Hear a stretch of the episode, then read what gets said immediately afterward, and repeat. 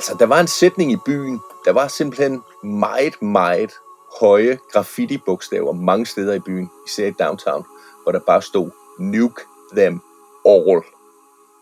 Altså, atombomspræng hele banden. Øhm, og det er sådan lidt udtryk for den der kæmpe vrede, der bare var i byen. Folk var fandme vrede. Altså, folk var også bange, og folk var kede af det. Men de var eddermage med vrede også. You know, New York's a fairly, you know, it's a rough sort of rough-edged place. The people are kind of abrasive there, and I did genuinely felt a shift towards a more communal spirit, and I felt that the city came together at that point. Den aften tager vi subwayen hjem, så der kørte togene åbenbart igen. Det var sent, og så stopper vi øh, et stop, før vi normalt gør, for at gå ind på en bar, der hedder Smokies. Og da vi kommer derind, græder folk, fordi det er, det er sådan et, et sted, hvor brandmænd kommer, og der er halvdelen af dem, der plejer at være der, er der ikke, fordi de er savnet. And I was an investment banker, so it felt to me like here are the two sim- most symbolic, you know, structures of capitalism going down with me in it. Um, it made me question everything around all my choices you know, my my parents were Muslim. I didn't really particularly um, consider myself a Muslim. I was more spiritual and on an open path of exploring, but there was a lot of polarization that happened after 9/11. So whether I liked it or not, I was suddenly very Muslim in a very anti-Muslim space.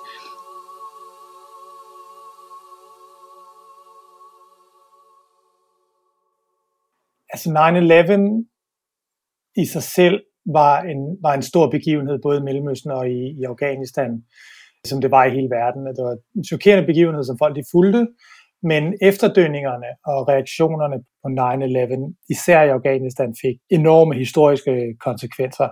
Der gik under en måned, så, øh, så fløj amerikanske bombefly over Afghanistan for at straffe Taliban-regimet, som havde nægtet at udlevere Osama bin Laden, der jo var stod bag øh, angrebene på 9-11 og øh, Taliban-regimet havde været ved magten i Afghanistan øh, i et halvt årti og blev væltet ret hurtigt, og det betød, at det fundamentalistiske islamiske styre, som Taliban-regimet havde påtrykt det afghanske folk, blev løftet nærmest fra dag til dag.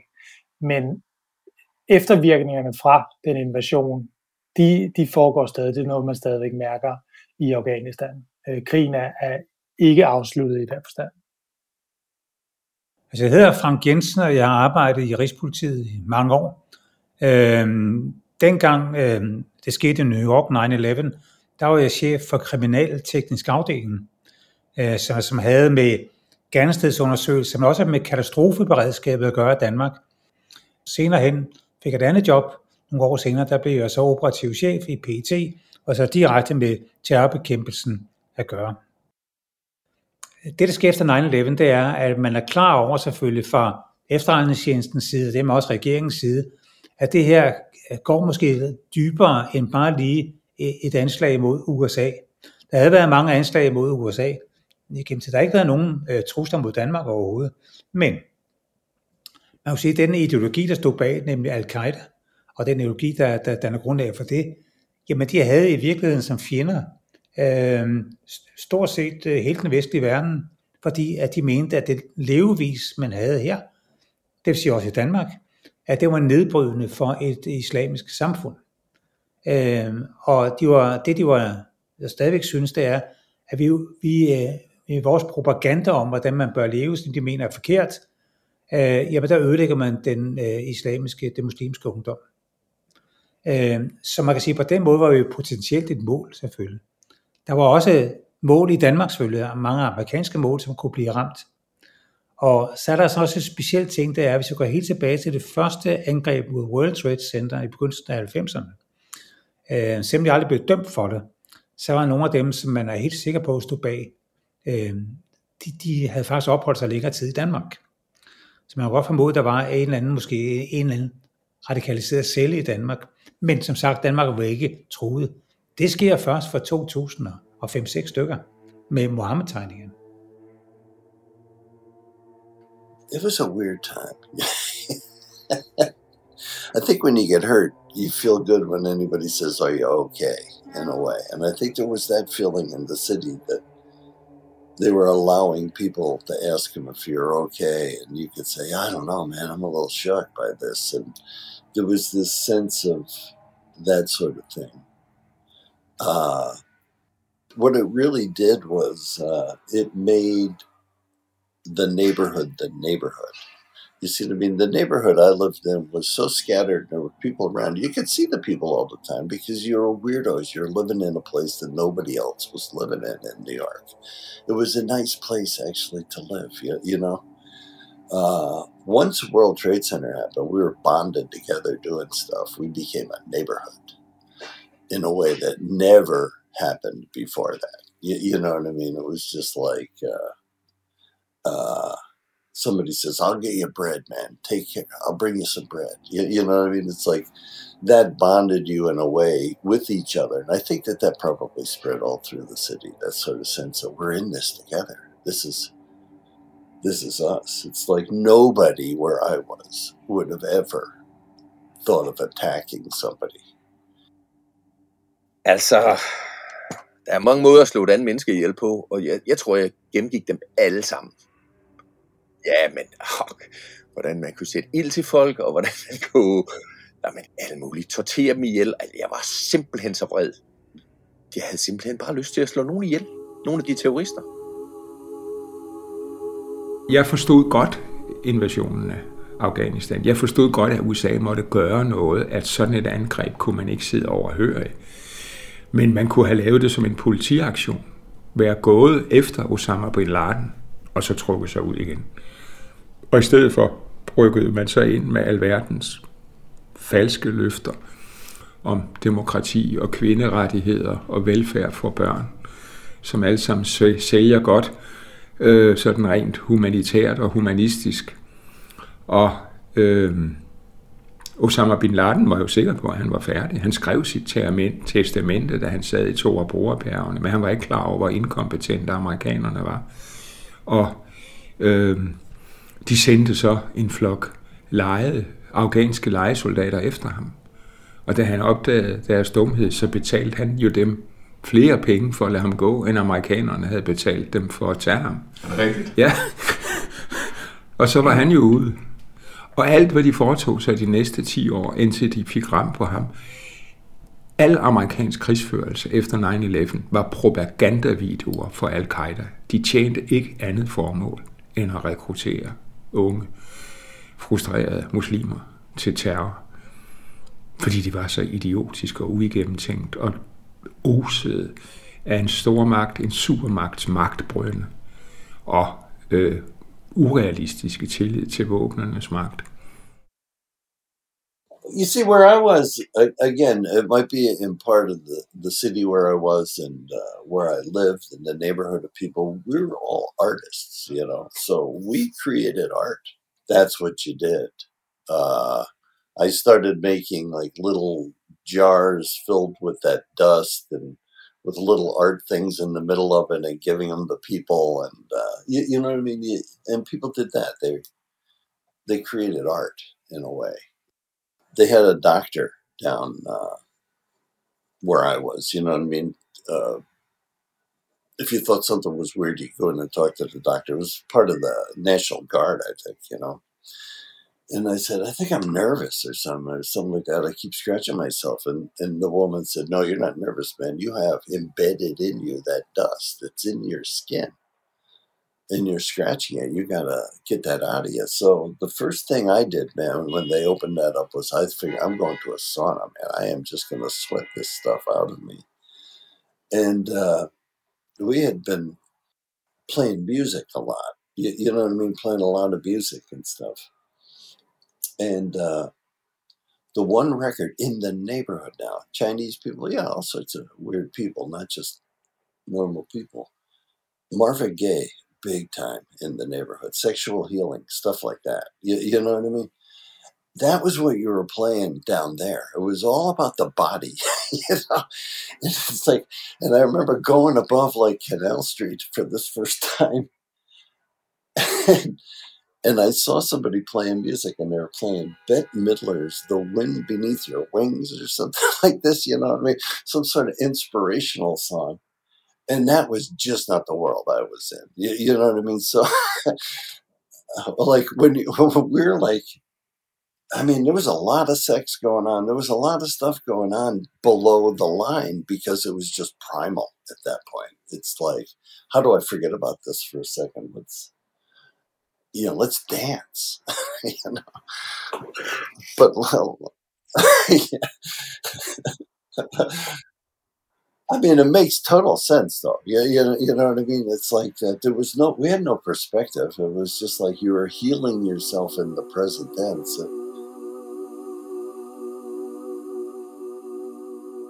Men fra det øjeblik, der sker der så til gengæld virkelig, virkelig noget med trusselsbilledet. Hvor vi ligesom har været lidt på sidelinjen øh, ind til, til Mohammed-tegningerne, så rykker vi pludselig frem i første række. Fordi der kom jo alle de problemer omkring øh, de tegninger, fordi regeringen ikke vil sige undskyld på, øh, til de øh, muslimske lande på grund af de her tegninger. Der var boykot og demonstrationer mod, øh, mod Danmark og sådan nogle ting. Og så sker der det, at umiddelbart efter, altså i, i 2006 øh, stykker cirka, der mener man, sådan kan, altså folk i almindelighed mener, også, også erhvervslivet, at nu er det blæst over det her. Nu kan man igen sælge varer i de i muslimske lande, danske varer som ting, uden de helt store problemer.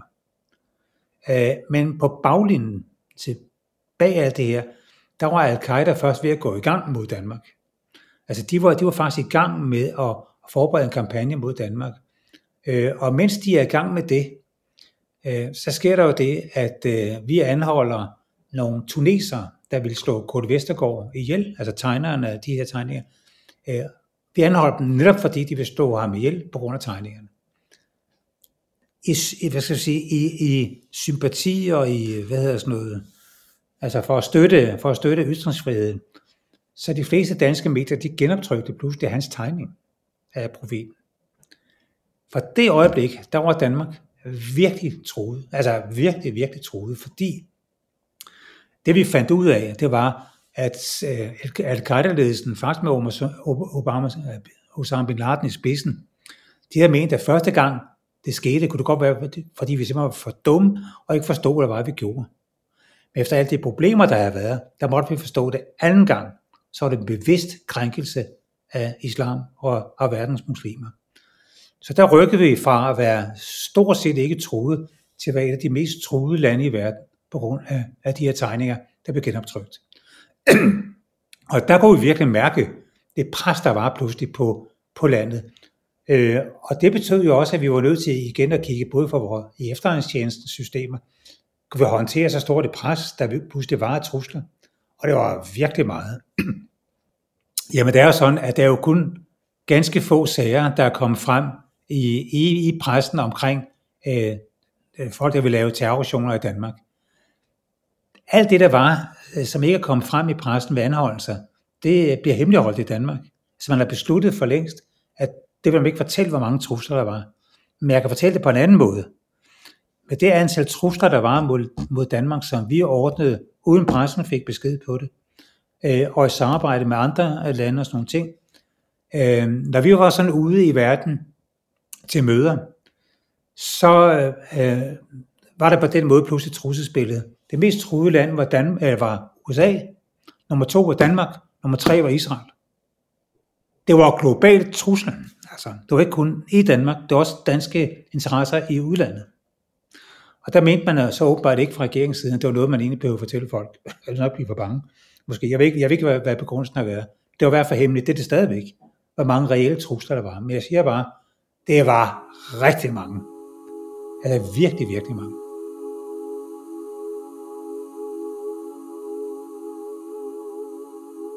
Efter 9-11 lavede James Marsh den Oscar-vindende dokumentarfilm Man on Wire. Filmen handler om den franske Philippe Petit, som i 1974 stod bag en happening, hvor han sammen med en mindre gruppe brød ind i World Trade Center, spændte en line ud mellem de to tårne og gik derud og dansede i tre kvarter.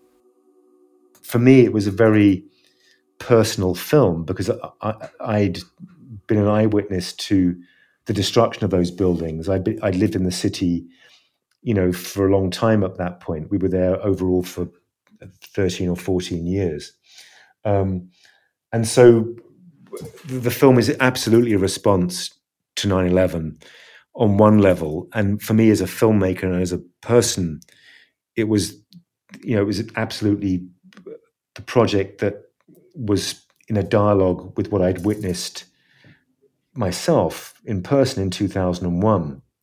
Um, and you know the, the, brilliant the brilliant thing about the story was that some of the sort of imagery is not the same, but you've got a group of foreigners essentially, you know, staking out the twin towers and plotting against them in the story of Man on Wire. And what they want to do is something generous and beautiful.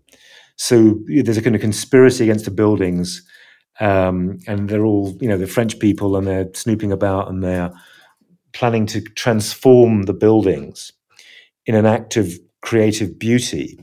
So as as a kind of antidote to 9/11, not that there ever could be an antidote to 9/11, you can't, you know, pretend that any story would ever be equal to it. But at the same time, as an, as a sort of antidote to it in, on the level of ideas, it's perfect because what what the what Petit and his group were, were doing was something that was it was a, it was a spectacle, and if you like, 9/11 was designed to be the most you know evil spectacle imaginable that you destroy them. You know, you create fear in a whole country and a whole western civilization by doing so. And so Petit's you know story has nothing to do with it because it happened in 1973 and it was you know a caper and it was a sort of it wasn't a stunt it was a it was an artwork essentially. But the, the, the similarities are so interesting in terms of the plotting and the transformation of the towers. You know the film starts with us seeing the, the buildings being built. You know petit has his first notion to do this when he's young and before the buildings are even constructed so the first thing you see in the film, which was a very deliberate choice of mine, was to see Ground Zero originally when it was Ground Zero when they were being built. So the film opens within the first few minutes. You're seeing the towers being constructed. So you know, in a sort of film realm, you're rebuilding them essentially. Uh, you know, of course, it's all in the past. It was all that that was all in 1973, but um, there was something about the way that the film had to obsess on those buildings and had to understand them and see them going up and being built, and then seeing them being you kind of you know occupied by office workers for the first time. The whole history of the building was available for the film to kind of exploit. And the only thing I said going into this project, and I said it to the producer, I said it to the to the people funding it, that we cannot and will not have any reference to 9-11 in this film. We cannot show it, we cannot allude to it, it can't it will be the biggest mistake of all, and I will not make the film if you think we should do this. We'll be insulting the audience. The audience can do all that for you.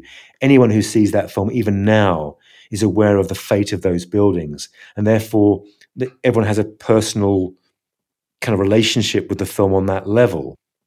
So that film was very much you know, in a dialogue with 9/11, but it was a it was a silent dialogue. There was no mention or reference to that event in the film, and if it had been, I would have taken my name off the film and, and disowned it because it would have been wrong.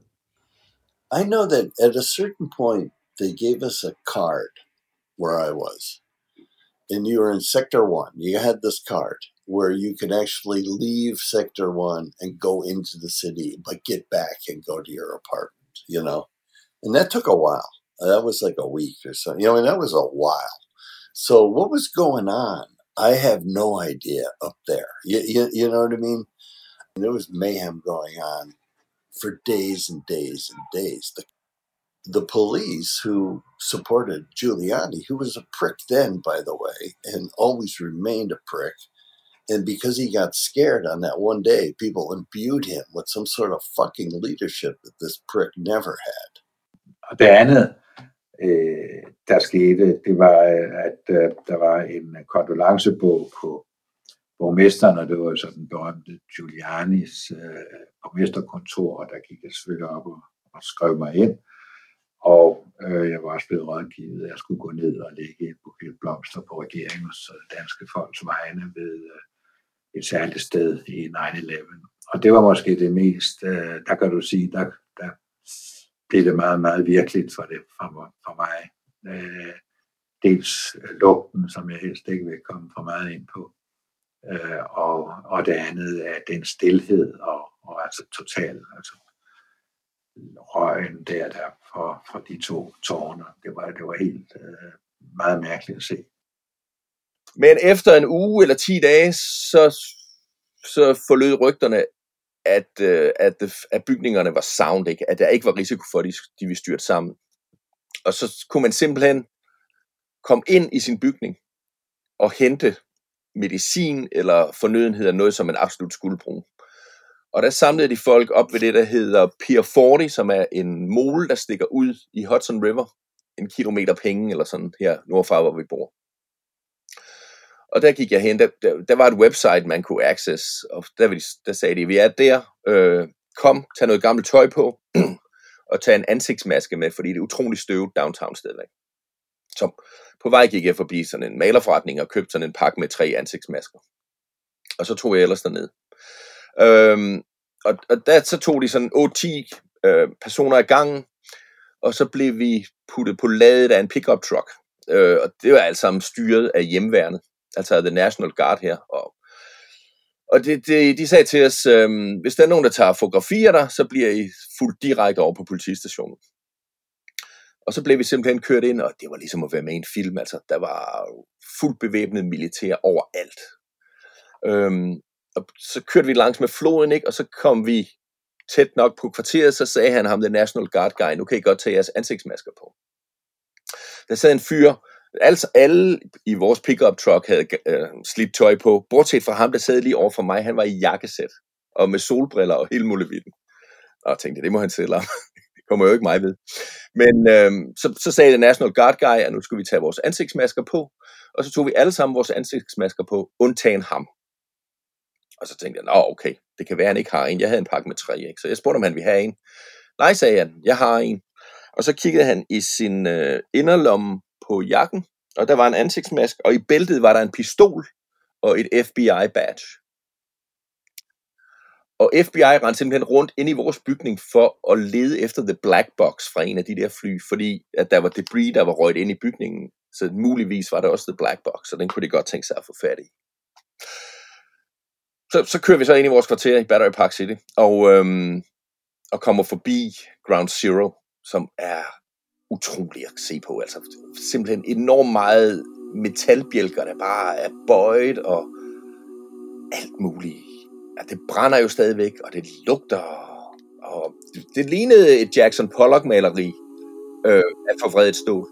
Der er militær overalt, svært bevæbnet militær det er jo ligesom at være med i en film. I remember saying at the time, Sigurd, to when I was making the film, that you'd never have thought on that day of Batiste walk, you know, who's going to survive, him or the buildings? and you'd think, well, in the scheme of things, the buildings will survive. He he may not survive, you know, this walk itself, you know. But the idea that he survived and the buildings didn't is kind of a in- interesting speculation that you wouldn't have on the day of that walk. You know, you'd think that the buildings are going to be fine, and he's the guy that's going to you know, meet an end prematurely, not those buildings. And of course, you know that didn't happen. Um, and he's in a space that doesn't exist anymore. The space he occupied on that walk is the void between those towers. That was his arena. That was his, and that doesn't. That's gone now. You know that whole space, that whole everything about that walk has become like a dream, you know, because it doesn't the, the buildings don't exist anymore. But what he did was, I think, you know, I think it is on one level, you know, what he did is worth celebrating as an antidote to what then happened 20 years later. Hver gang man anholder nogen og sigter dem og tiltaler dem, så kommer det frem med pressen. Men fordi man, man, man anholder nogen og løslader dem igen, for eksempel, eller bare øh, på anden måde får folk til at forsvinde fra landet. Øh, ikke fordi man gør dem noget ondt, men, men man simpelthen presser dem ud af landet og sådan noget. Øh, så, øh, så er det ikke noget, man får noget at vide om. Jamen, det kan man gøre på den måde, det gjorde vi også øh, for eksempel, øh, vi havde, vi havde for eksempel nogle bestemte, som der stod bag de unge, altså nogle radikalisatorer, som vi kaldte dem, ikke? Sådan nogle radikaliserede unge. Øh, og der var nogen, der var virkelig, virkelig hårde nyser, som stod bag meget af det, der skete i Danmark og, og rundt omkring. Og vi begyndte bare simpelthen at køre mere eller mindre åben observation mod dem. Hver gang de bevægede sig sted hen, så var vi der. De kunne, de kunne se, at vi var der. Øhm, de var også sikre på, at vi aflyttede dem på deres telefoner og lejligheder og sådan nogle ting. Det er fuldstændig rigtigt. Vi, det var ikke noget, vi holdt hemmeligt på den måde. Der var altid observation omkring dem. Hvis de mødte nogen, så blev de også observeret. Der gjorde selvfølgelig, at de pludselig blev mere og mere isoleret.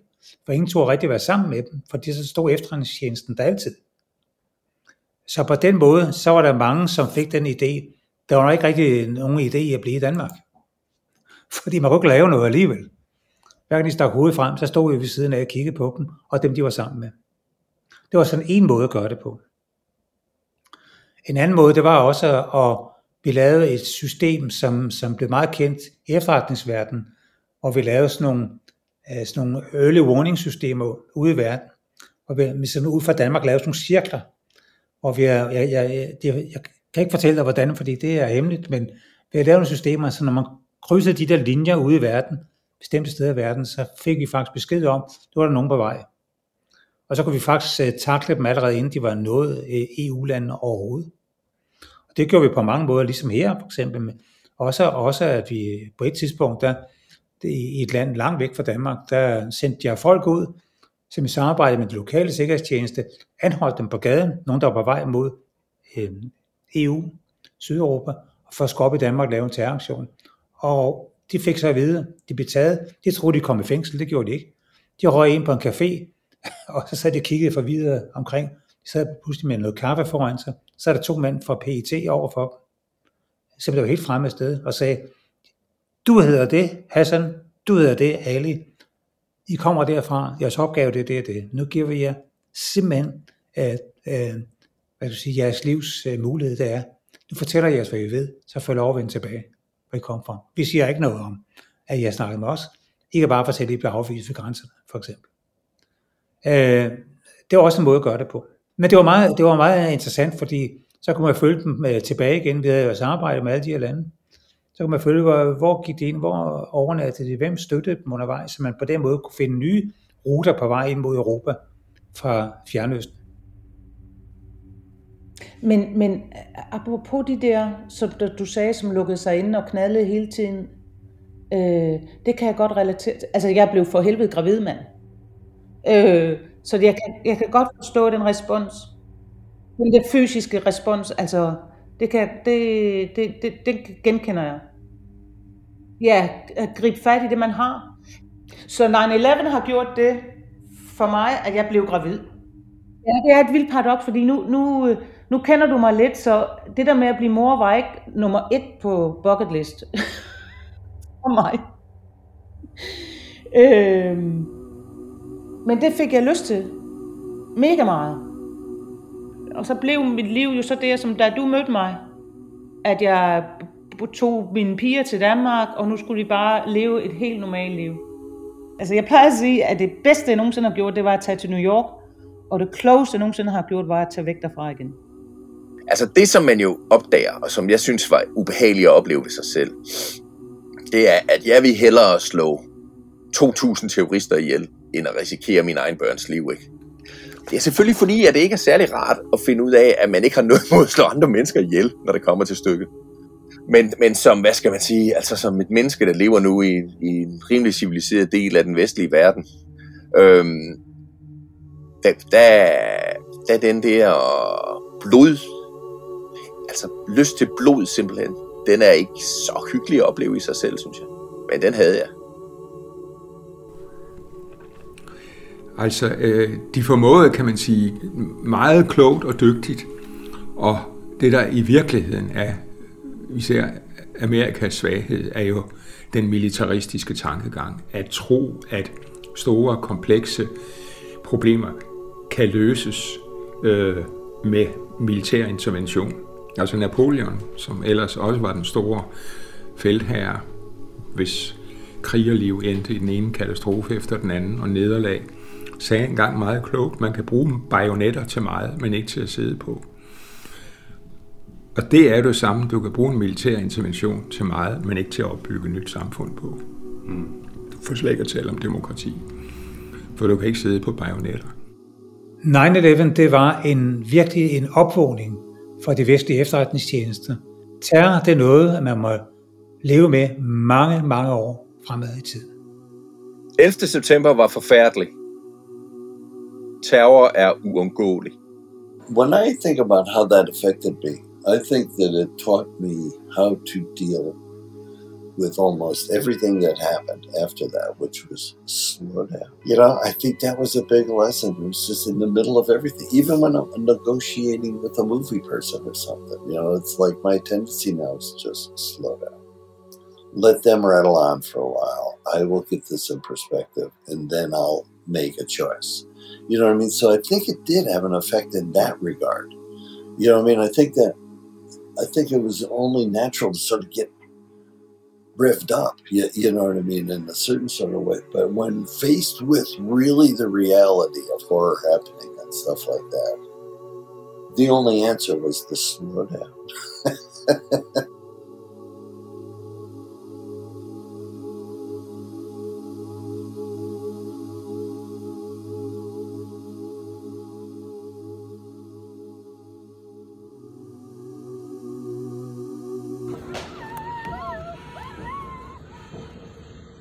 Kære lytter, samme dag som vi blev færdige med at klippe den her serie, søndag den 16. august, skete der en dramatisk udvikling, eller måske nærmere afvikling. Taliban indtog hovedstaden Kabul, erobrede magten over landet på få timer og satte dermed Afghanistan tilbage til det sted, som landet befandt sig i for 20 år siden, før den vestlige invasion i kølvandet på 9-11. Som jeg indtaler den her speak, florerer der videoer på nettet af civile afghanere, der falder ned fra himlen og styrter i døden, i det de forsøger at klamre sig til landingsstillene på de amerikanske evakueringsfly, der forlader Kabul. Det er svært at overse den tragiske lighed med de kontorarbejdere, der sprang fra de brændende tårne i New York 20 år tidligere. Alt imens de tusindvis af afghanere og vesterlændinge forsøger at komme ud af Afghanistan, har jeg fået fat i en af de eneste, der forsøger at komme den anden vej, altså ind i Afghanistan. Det er forfatter og dokumentarist Najib Kaya, der har dækket Afghanistan-krigen i 17 år. På et ellers tomt fly forsøgte Najib at komme til Kabul, men kort tid før landingen lukkede amerikanerne luftrummet over Afghanistan, så han sidder i Dubai Lufthavn og forsøger at finde en anden rute, da jeg får fat i ham. Jeg vil her på faldrebet lade Najib give en kort udlægning af, hvordan Taliban kunne overrumple landet, samt hvad det vil få af betydning.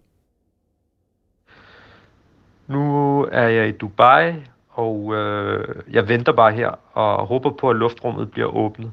Hvis luftrummet øh, åbner, jamen øh, så regner jeg med at flyve ned til Afghanistan, og så fortsætte mit arbejde. Hvis luftrummet ikke åbner, så prøver jeg at finde en alternativ vej, øh, en anden måde at komme ind i Afghanistan på. Det, der foregår i Afghanistan lige nu, øh, er en logisk konsekvens af, at øh, man har støttet en øh, bundråden, ekstremt korrupt øh, afghansk elite, som har ravet en masse ressourcer til sig.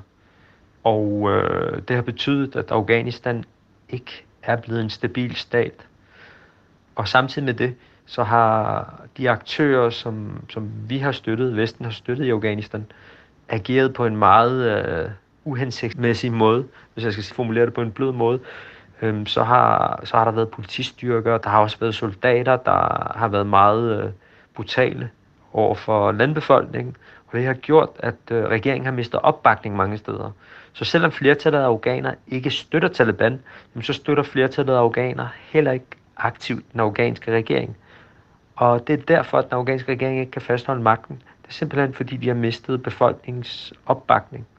Grunden til, at jeg gerne vil ind og øh, være derinde og dokumentere det, der foregår sammen med en lille gruppe journalister, der er også nogle andre journalister derinde fra forskellige steder i verden, jamen det er fordi, at det simpelthen er super vigtigt, at der er nogen, som bruger deres øjne og ører og gengiver, hvad det er, der foregår i Afghanistan, så man kan verificere, hvad der er sandt og hvad der er falsk, og man kan dokumentere eventuelle overgreb, krænkelser af menneskerettigheder, øh, drab, massakre. Der er alle mulige ting, der kan gå galt, når der sker sådan en magtskifte. Øh, og når nogen, der har været underkudet, for det har Taliban jo, kan man sige, i forhold til den afghanske regering, får magten, jamen så er der en stor risiko for, at øh, de vil tage hævn. Så det er ret vigtigt, at der er nogle øh, observatører øh, fra det internationale samfund, som kan dokumentere, hvad det er, der foregår derinde. Og den anden grund til, at jeg er der, det er fordi, at jeg har dækket den her konflikt i 17 år nu. Og øh, det har simpelthen været mit hjerteblod i mange år. Det er, altså, det, det, det, det er ekstremt vigtigt for mig, at, at, at det er der, når det her vendepunkt det foregår. Fordi at jeg kan simpelthen ikke, altså, jeg, jeg har virkelig svært ved at sidde i Danmark, mens alt det her foregår. Det føles bare helt forkert. Og det føles helt rigtigt, at jeg skal være dernede. Og jeg håber på, at jeg kan få adgang, øh, og jeg ikke får problemer øh, med Taliban. Min største frygt på Afghanistans vegne, det er, at øh, Afghanistan bliver ekstremt totalitært, og at alle de fremskridt, eller størstedelen af de fremskridt, der har været i landet, bliver rullet tilbage. Og at, øh, ja, at den afghanske befolkning bliver kvalt, som de gjorde under Taliban i sin tid. Taliban prøver at sælge sig selv som nogen, som er blevet mere moderate og pragmatiske. Men øh, vi ved det ikke dybest set. Øh, de agerer på forskellige måder, forskellige steder i landet. Jeg har set dem være ekstremt brutale nogle steder, og så har jeg set dem være pragmatiske andre steder. Men de er under alle omstændigheder en fundamentalistisk bevægelse, så det kommer til at være et tilbageskridt for Afghanistan, selv hvis Taliban viser sig fra deres bedste side. Jeg håber bare ikke, at det bliver noget, der ligner det, vi har set før. Øh, og jeg, jeg, jeg håber på en eller anden måde, at de åbner op for at være mere inkluderende, selvom det er svært at tro på. Det eneste, man kan håbe på, det er nu, hvor de får ansvaret og bliver udfordret i kraft af det, fordi de skal levere noget. De skal ikke bare være på slagmarken og kæmpe. Det på en eller anden måde modner dem og gør dem til bedre politikere, det vil sige nogen, som bliver mere fleksible og forhandlingsvillige. Øh, man har set islamistiske bevægelser, som i tiden er blevet moderate, men det er typisk, når de har været i opposition, de er blevet moderate, ikke når de har været med magten, desværre. Hvis Afghanistan bliver et meget totalitært samfund, hvad alle frygter, jamen så har vi jo set i de andre arabiske diktaturstater, både sekulære og islamistiske, øh, inklusiv Iran, som ikke er arabisk, øh, hvor mange årtier der kan gå, før der overhovedet øh, sker et oprør. Så det ser ret dystert ud.